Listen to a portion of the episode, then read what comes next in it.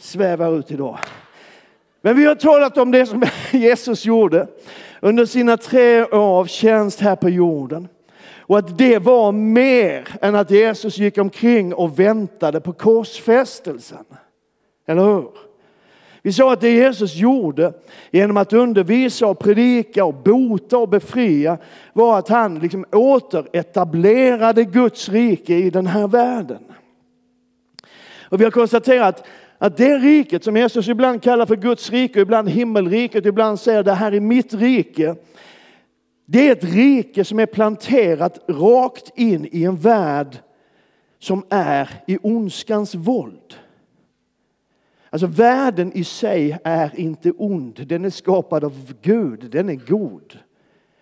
Men ondskan har brett ut sig, tagit den här världen i sitt grepp och Bibeln säger att hela världen är i den ondes våld. Men mitt i det så finns hans rike.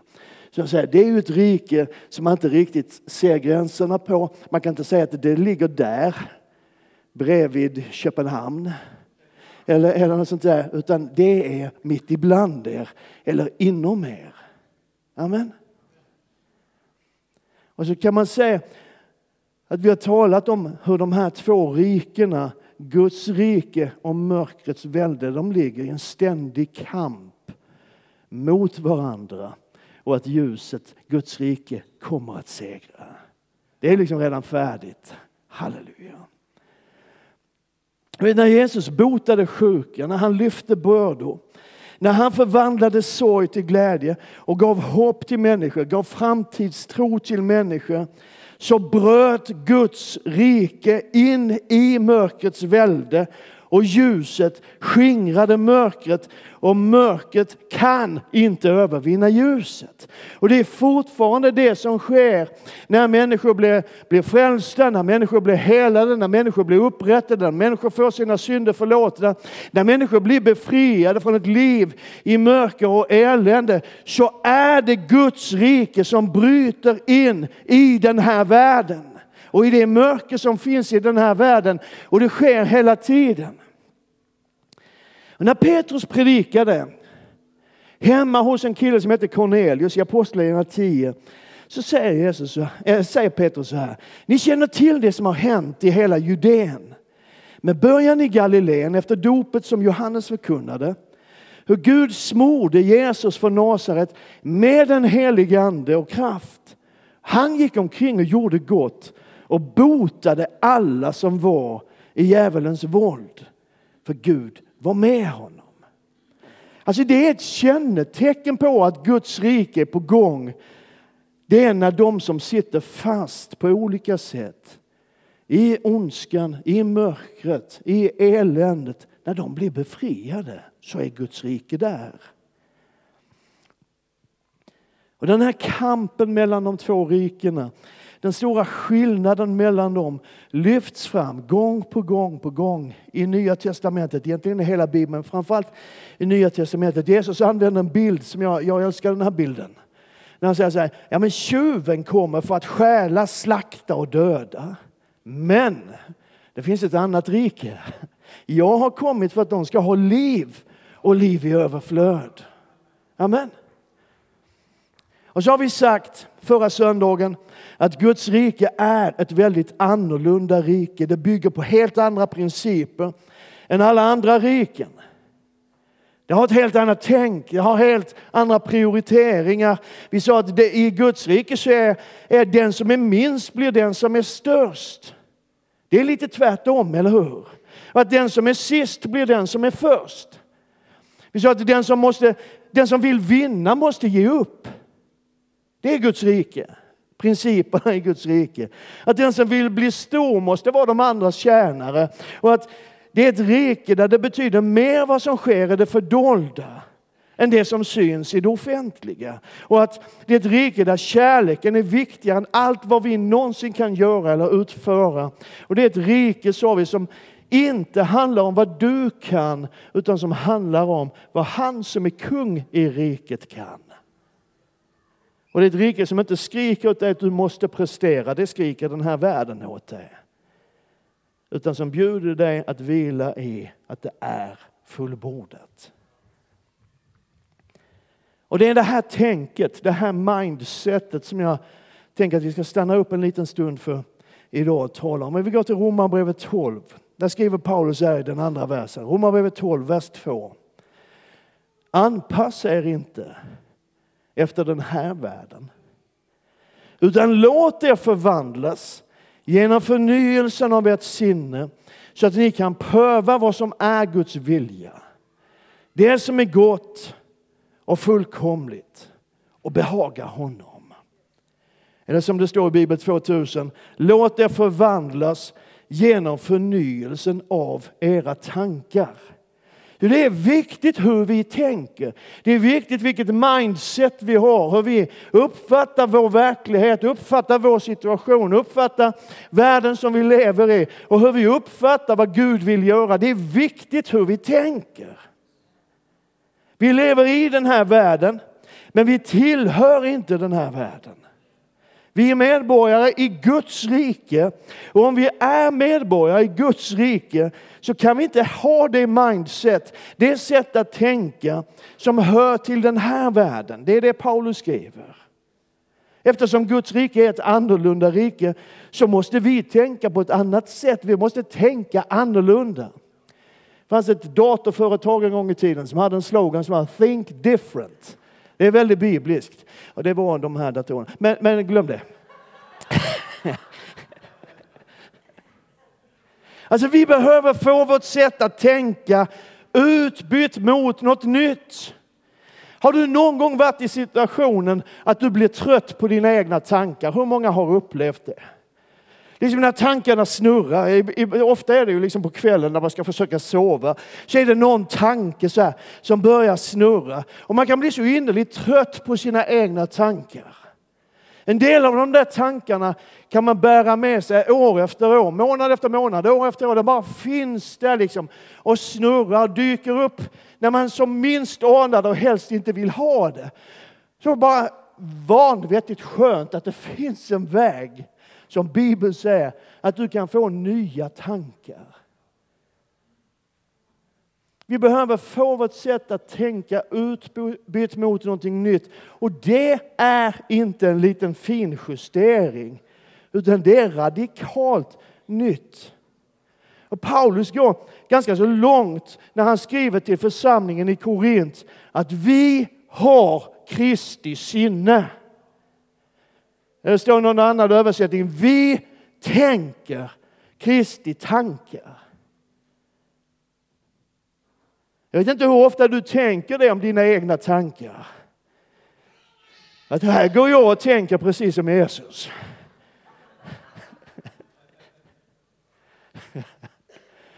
Men det är ju vad Paulus säger. Vi har hans sinne. Vi tänker som Jesus.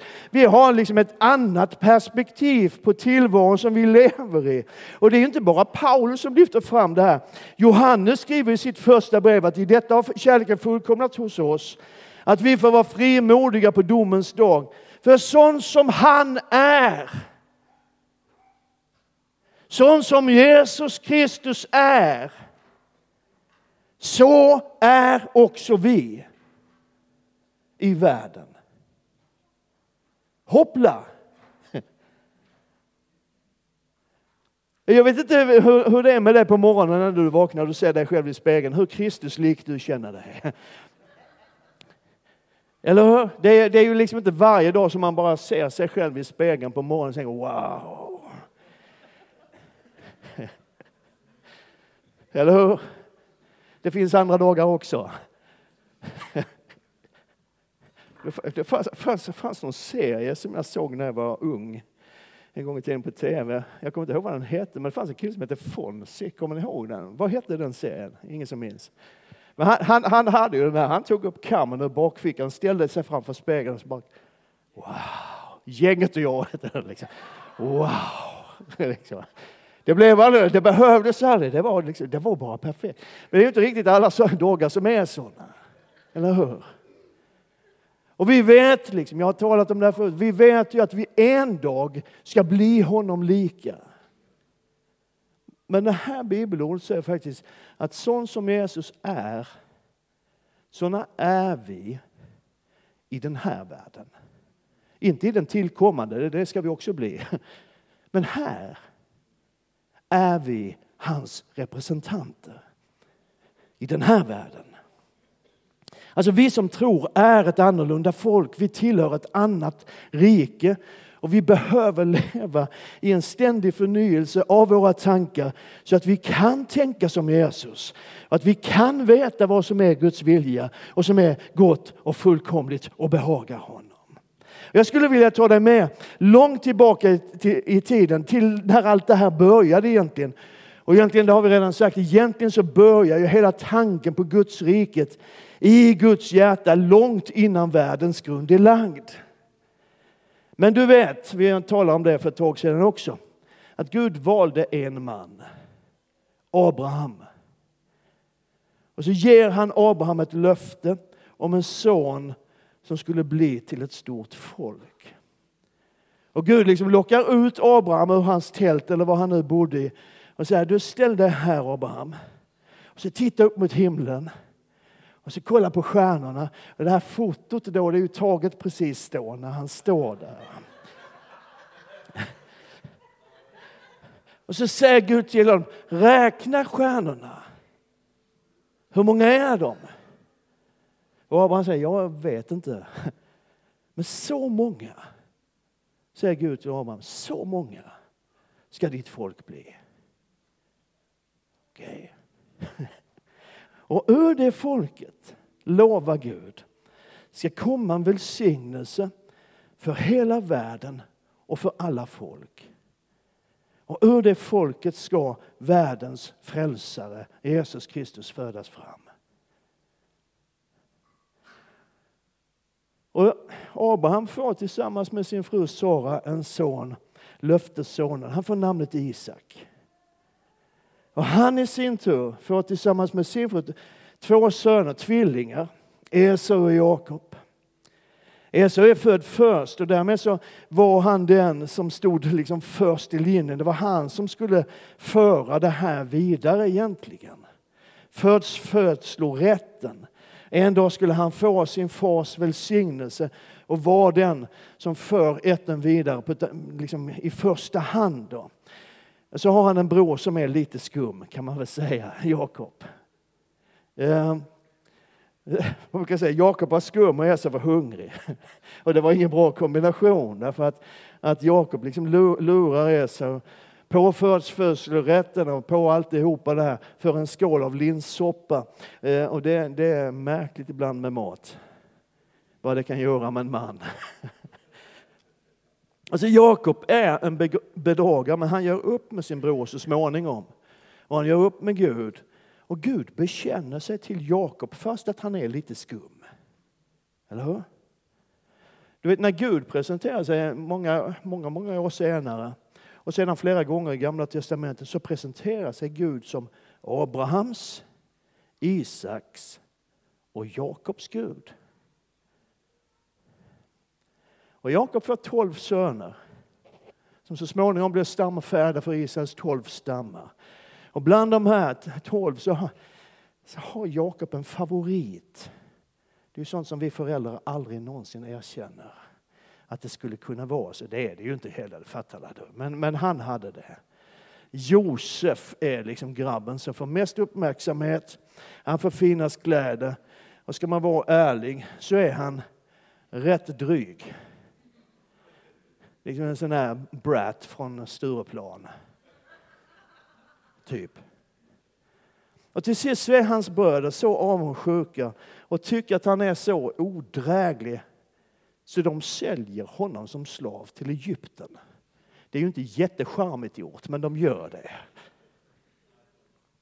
Grejen är då att i Egypten så småningom så börjar det gå bra för Josef. Han kommer upp sig. Och en av anledningarna till att han kommer upp sig är att han fattar en dröm som kungen farao har. Om magra kor och tjocka kor. Och så fattar Josef, ja men det här, förstår du, det handlar om att nu är det sju goda år. Och sen kommer sju usla år. Och nu när vi har de här goda åren, nu behöver vi spara undan under de här goda åren så att vi har när det blir jobbigt. Så man börjar göra det. Man sparar undan säde, man sparar undan konserver, det hade de uppfunnit då. Och vad det nu var, nej men du vet.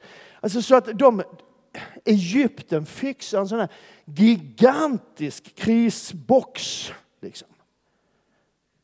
Och när de här åren sedan kommer av, av elände, av svält och hungersnöd och missväxt och sådär, så är Egypten det enda landet i området, enda, enda staten i, i hela det området som har någonting. Och då kommer Josef upp, det var ju han som hade fattat det här.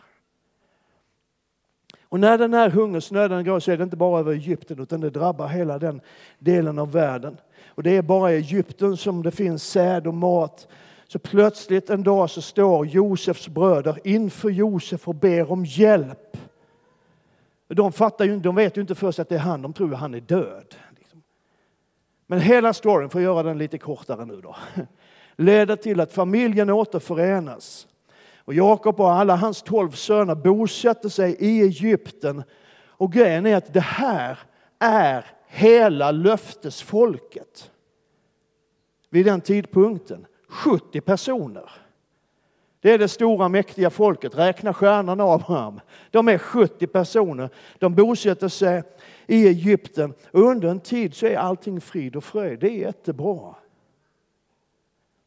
Men sen när Josef är död och hela den generationen har dött ut och så, här så kommer ju nya tider. Det kommer en ny kung, en ny farao. Som Bibeln säger, det är bland de första verserna i, i Andra Mosebok, så står det han visste inget om Josef. Han hade ingen aning, vad är det här för ett folk? Utan det han har märkt, det är att det här främmande folket, de har vuxit sig stort, de blir ju fler och fler och fler och fler. De är väldigt många nu. Och så upplever man judarna som ett hot och gör dem till slavar. Det finns många stories i det här, men, men i stort sett man gör dem till slavar. Och så lever det judiska folket där i Egypten som slavar under flera hundra år. Det är generation efter generation som lever först som flyktingar och sedan i slaveri. Och folket fortsätter att växa, men de är fångar, de är slavar. De har inga medborgerliga rättigheter. De är där för att slita ont. Och jag tror att det händer någonting med människor som lever i fångenskap under så lång tid. Bilden av vem du är förändras.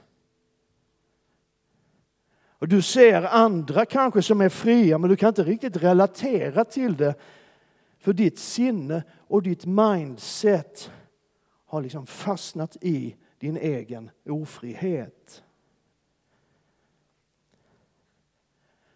Så när de äntligen blir fria så är det mest en yttre frihet. På insidan, i deras sinnen och i deras tankar så är de fortfarande lika fångna. Och så befinner de sig på en vandring genom vildmarken i 40 år. En resa som egentligen bara borde ta några dagar. Men grejen är att under den långa resan, liksom innan Gud öppnar dörren för dem in i det nya, så rekalibrerar Gud sitt folk. Han förvandlar dem och ger dem nya tankar och nya sinnen. Det gör han dels genom att ge dem en egen lag. Så har du aldrig tänkt på lagen, men det är en del av det här. För de har levt under egyptisk lag under flera hundra år. Men nu är de ett folk. Nu är de en nation. Nu behöver de sin egen lag. En lag som säger att ni brukade tänka så här. Men nu tänker vi så här.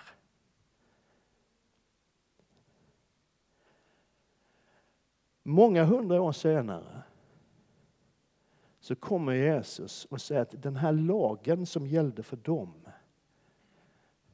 den gäller inte för er. Är du med? Och så skriver Paulus om det och så säger han att nu är det inte längre den nationen, utan nu har nationen expanderat. Nu är det en ny lag. Och den kallas för livets andes lag. Som vi har fått i det nya expanderade gudsfolket.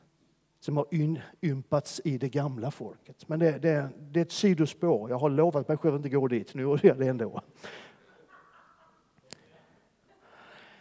Förvandlingen som de upplever under de här 40 åren sker också genom att de får lära sig att lita på Gud. De får lära sig att lita på Gud. För gång på gång under de här 40 åren så bevisar Gud att han är med dem. Att han är på deras sida. Han försörjer dem. Han ger dem allt vad de behöver. Dag efter dag efter dag efter dag så bevisar Gud sin kärlek och sin nåd och sin trofasthet i 40 år. Och sen är de redo för det nya.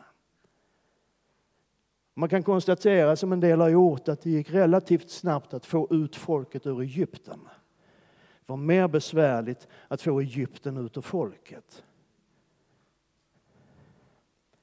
Under de här hundratals åren som flyktingar och så småningom slavar så hade det här folket utvecklat ett mindset, ett perspektiv på tillvaron som var grundad i slaveriets bild av verkligheten.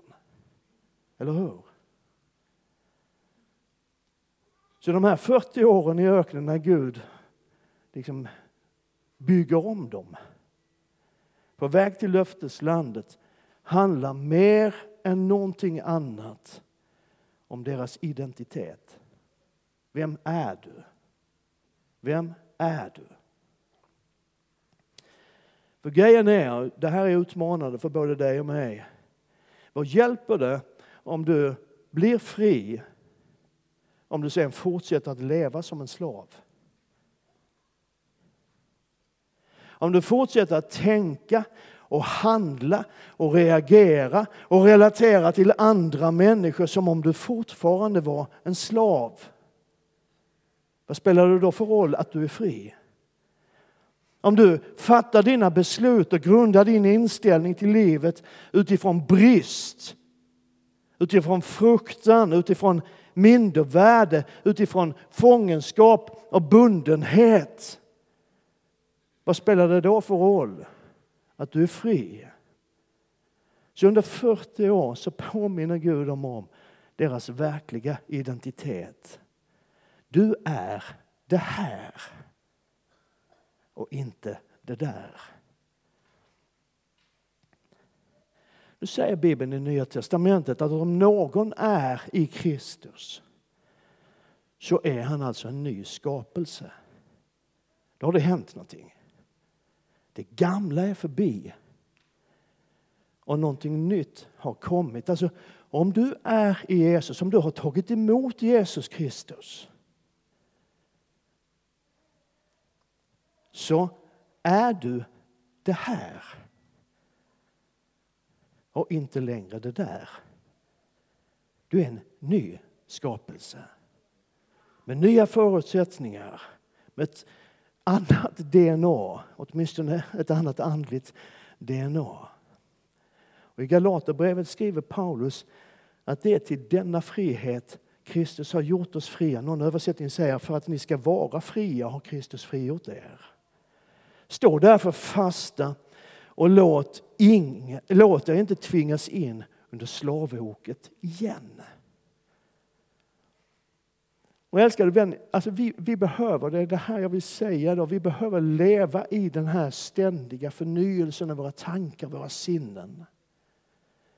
För jag har upptäckt, åtminstone i mitt liv, och jag tror att du känner igen dig i det också, att vi har lite samma tendens som Israels folk när det blir lite jobbigt, när det stormar och blåser, när vi behöver lite tröst och lite trygghet, så vänder vi gärna tillbaka till det som gav lite tröst och gav lite trygghet innan vi blev fria, innan vi blev nya skapelser och innan vi flyttade in i Guds rike.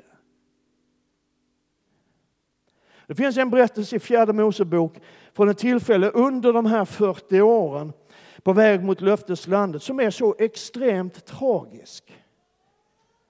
Men som jag tror att de flesta av oss nog lite grann kan känna igen oss i. Den är lite rolig, men framförallt så är den extremt tragisk. Du vet, Gud har visat sin omsorg dag efter dag efter dag efter dag. Gång på gång, år efter år. Men det är jobbigt att gå. Och det är varmt på dagarna och det är svinkallt på nätterna. Och det är obekvämt och det är bökigt och det är folk överallt. Och det är samma mat dag efter dag. Konserverad manna. Och jag har sten i sandalerna. Och så börjar folket att klaga och gnälla och det har ju aldrig du gjort men det finns andra kristna på andra orter som ibland gör det. Och så står det så här, så säger de så här, vi minns fisken som vi åt gratis i Egypten. Och då har man helt glömt bort att man faktiskt betalade med sitt liv och sin frihet för den där fisken i Egypten. Vi minns fisken som vi åt gratis i Egypten och gurkorna och melonerna och så kommer det mest tragiska av alltihop och purjolöken.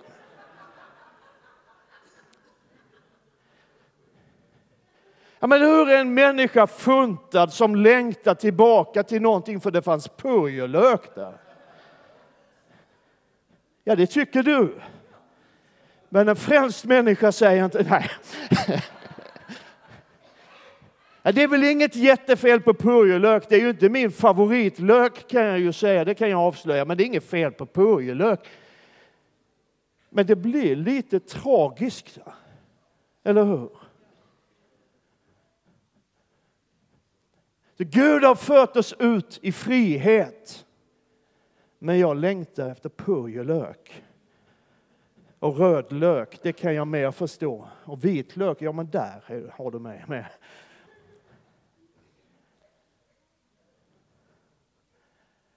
Det händer då och då att människor kommer till mig för samtal och så berättar man, Christer, jag faller i den här synden gång på gång. Eller jag kan inte bryta den här ovanan. Eller liksom, mina tankar de, de har fastnat, de, de, snurrar i det här, jag kommer inte ut ur det. Och kan man undra, varför blir det så där? Varför fastnar vi i någon synd som liksom bara kommer tillbaks och tillbaks och tillbaks vad vi än gör? Varför finns det sådana här grejer, mönster i våra liv som vi har så svårt att bryta? Och varför fastnar våra tankar? Jag tror att en anledning är att vi har så lätt att söka oss till det som gav lite tröst och som skänkte lite njutning, som upptog våra sinnen i vårt gamla liv. För vi har inte förstått vår nya identitet. Att nu är vi det här, men vi är inte längre det där. Vi har inte förstått att vi är fria från det som höll oss bundna, det som hade fångat oss. Och när den här tillvaron då blir lite jobbig, för det blir den ibland, och när vi behöver ett break, så är det liksom till purjolöken som vi längtar tillbaka. Det är den vi sträcker oss mot. Men om någon är i Kristus Jesus så är han en ny skapelse. Och då är det gamla förbi. Och då har någonting nytt kommit. Och jag predikar till mig själv lika mycket som till dig, det vet du. Jag tror vi behöver låta våra sinnen och våra tankar förnyas. Så att vi inser att det är inte purjolök vi behöver. Det är inte mitt gamla liv jag behöver. Det är inte mina gamla källor till tröst och trygghet som jag behöver. Utan jag behöver Jesus och mer av honom. Och det här behöver inte handla om synd. Purjolök är inte synd. Alltså det handlar ju allmänt om slavmentaliteten. En mentalitet som präglas av brist, av hopplöshet, av missmod, som inte ser någon utväg. Får jag vara lite öppen och hjärtig och så här, dela lite grann från mitt eget liv, bekänna mina synder.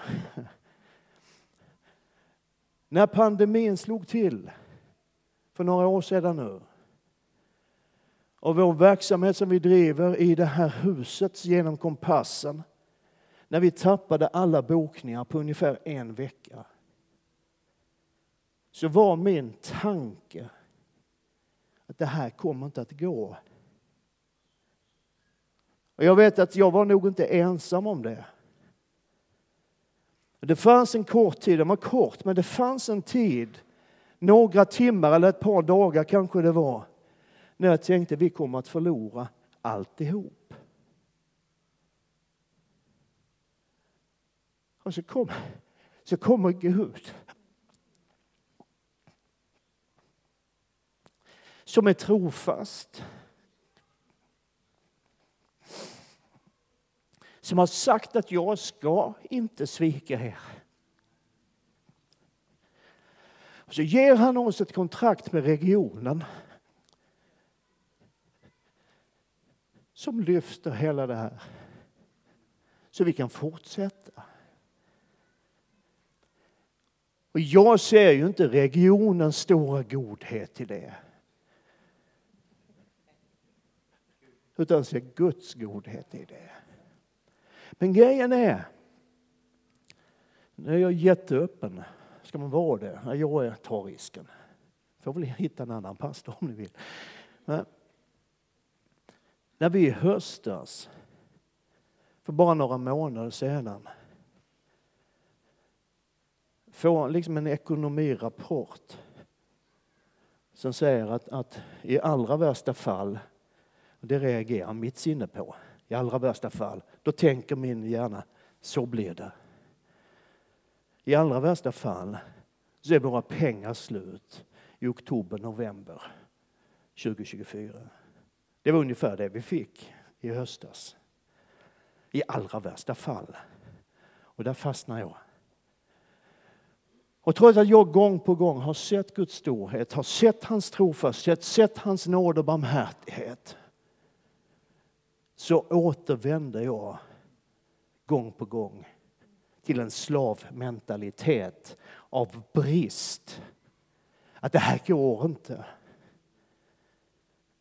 Och jag tror inte att jag är ensam om det. Men jag tror att vi behöver bryta med det. Jag behöver bryta med det och det behöver du också. Därför Guds rike präglas inte av brist utan av överflöd. Guds rike präglas inte av hopplöshet utan jag har gett er en framtid och ett hopp, säger Herren. Och Guds rike präglas inte av missmod och modlöshet. För jag har inte gett er en modlöshetens ande, säger Herren, utan en kärlekens och kraftens ande. Och vi kan vara som Paulus säger ibland, vi kan vara nedslagna. Men vi är sannerligen inte utslagna.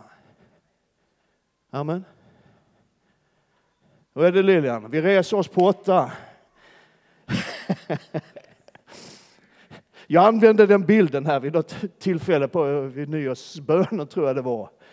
Vi reser oss på åtta, för det är ju det som Paulus säger. Vi, inte, vi kan vara nedslagna, men vi är inte utslagna. Det är ju en boxningsbild. Så jag använde den så sa jag så här, vi reser oss på åtta och då frågade, frågade Lilian, jag tyckte det var så bra, vad i all världen betyder det? Men nu vet vi. Vi reser oss på åtta. Domaren räknar när du är nedslagen. Man räknar till åtta. Är du uppe då så kan du fortsätta. Amen. Guds rike är inte ett rike av brist. Amen. Så vad är du ute efter Hultberg då? Jag är ute efter att utmana både dig och mig. Fundera över vad är din purjolök? Finns det någonting som du återvänder till som egentligen hör till det gamla? Är någonting du återvänder till som faktiskt Jesus redan har gjort dig fri ifrån? Och vad är det som du behöver bestämma dig för att lämna bakom dig och släppa taget om? Paulus skriver att Herren är anden.